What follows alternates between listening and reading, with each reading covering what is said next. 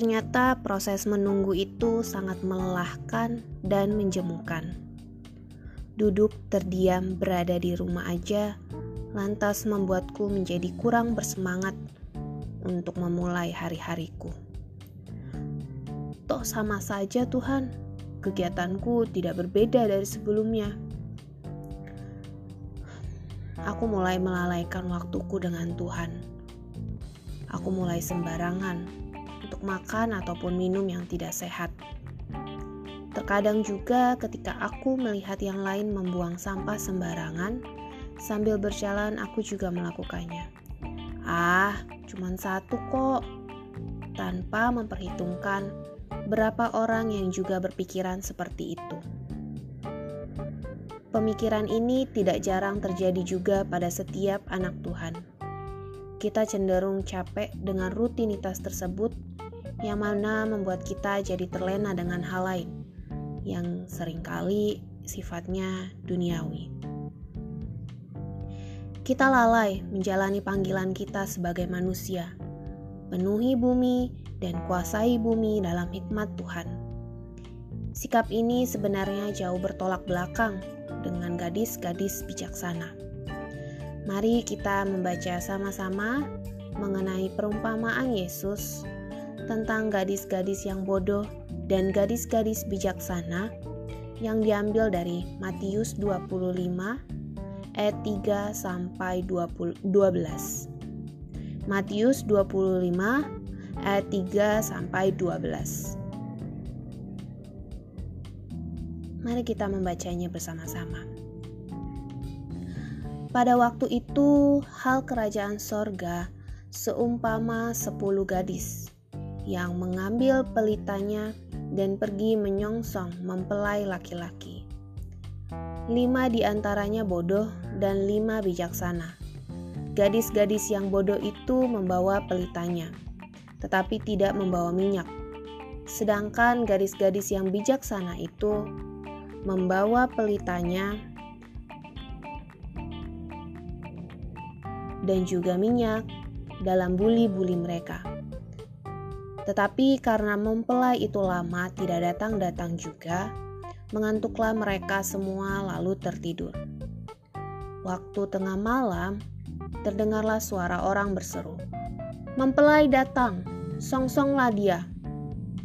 Gadis-gadis itu pun bangun semuanya, lalu membereskan pelita mereka. Gadis-gadis yang bodoh berkata kepada gadis-gadis yang bijaksana, berikanlah kami sedikit dari minyakmu itu, sebab pelita kami hampir habis. Tetapi jawab gadis-gadis yang bijaksana itu, "Tidak, nanti tidak cukup untuk kami dan untuk kamu. Lebih baik kamu pergi kepada penjual minyak dan beli di situ." Akan tetapi, waktu mereka sedang pergi untuk membelinya, Datanglah mempelai itu dan mereka yang telah siap sedia masuk bersama-sama dengan dia ke ruang perjamuan kawin. Lalu pintu ditutup. Kemudian datanglah juga gadis-gadis yang lain itu dan berkata, "Tuan, tuan, bukakanlah kami pintu." Tetapi ia menjawab, "Aku berkata kepadamu, sesungguhnya aku tidak mengenal kamu." Karena itu, berjaga-jagalah, sebab kamu tidak tahu akan hari maupun akan saatnya.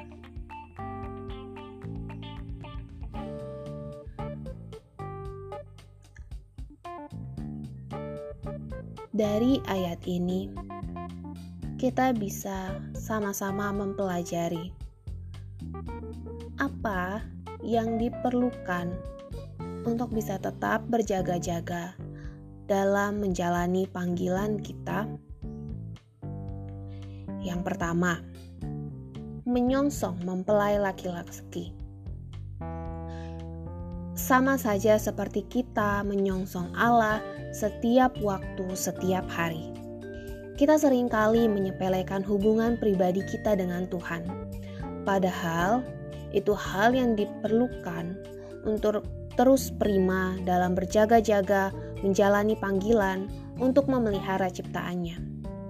Sebuah alasan untuk bisa menjaga lingkungan, kebersihan, dan juga tata krama dengan ciptaan lainnya adalah karena kita berjaga-jaga memelihara ciptaannya tersebut. Yang kedua, membawa pelita, minyak dalam buli-buli. Sama halnya dengan mempersiapkan diri dalam kondisi apa pun dengan persiapan terbaik, walaupun harus memiliki beban yang berbeda dari mereka yang tidak berjaga-jaga. Seringkali, jika kita diminta untuk membawa persiapan cadangan, itu membuat kita lelah karena kita harus menyiapkan tempat, waktu, dan tenaga yang lebih dibandingkan orang lain. Namun, itulah yang diperlukan supaya kita bisa terus berjaga-jaga. Janganlah heran jika waktu luangmu terambil.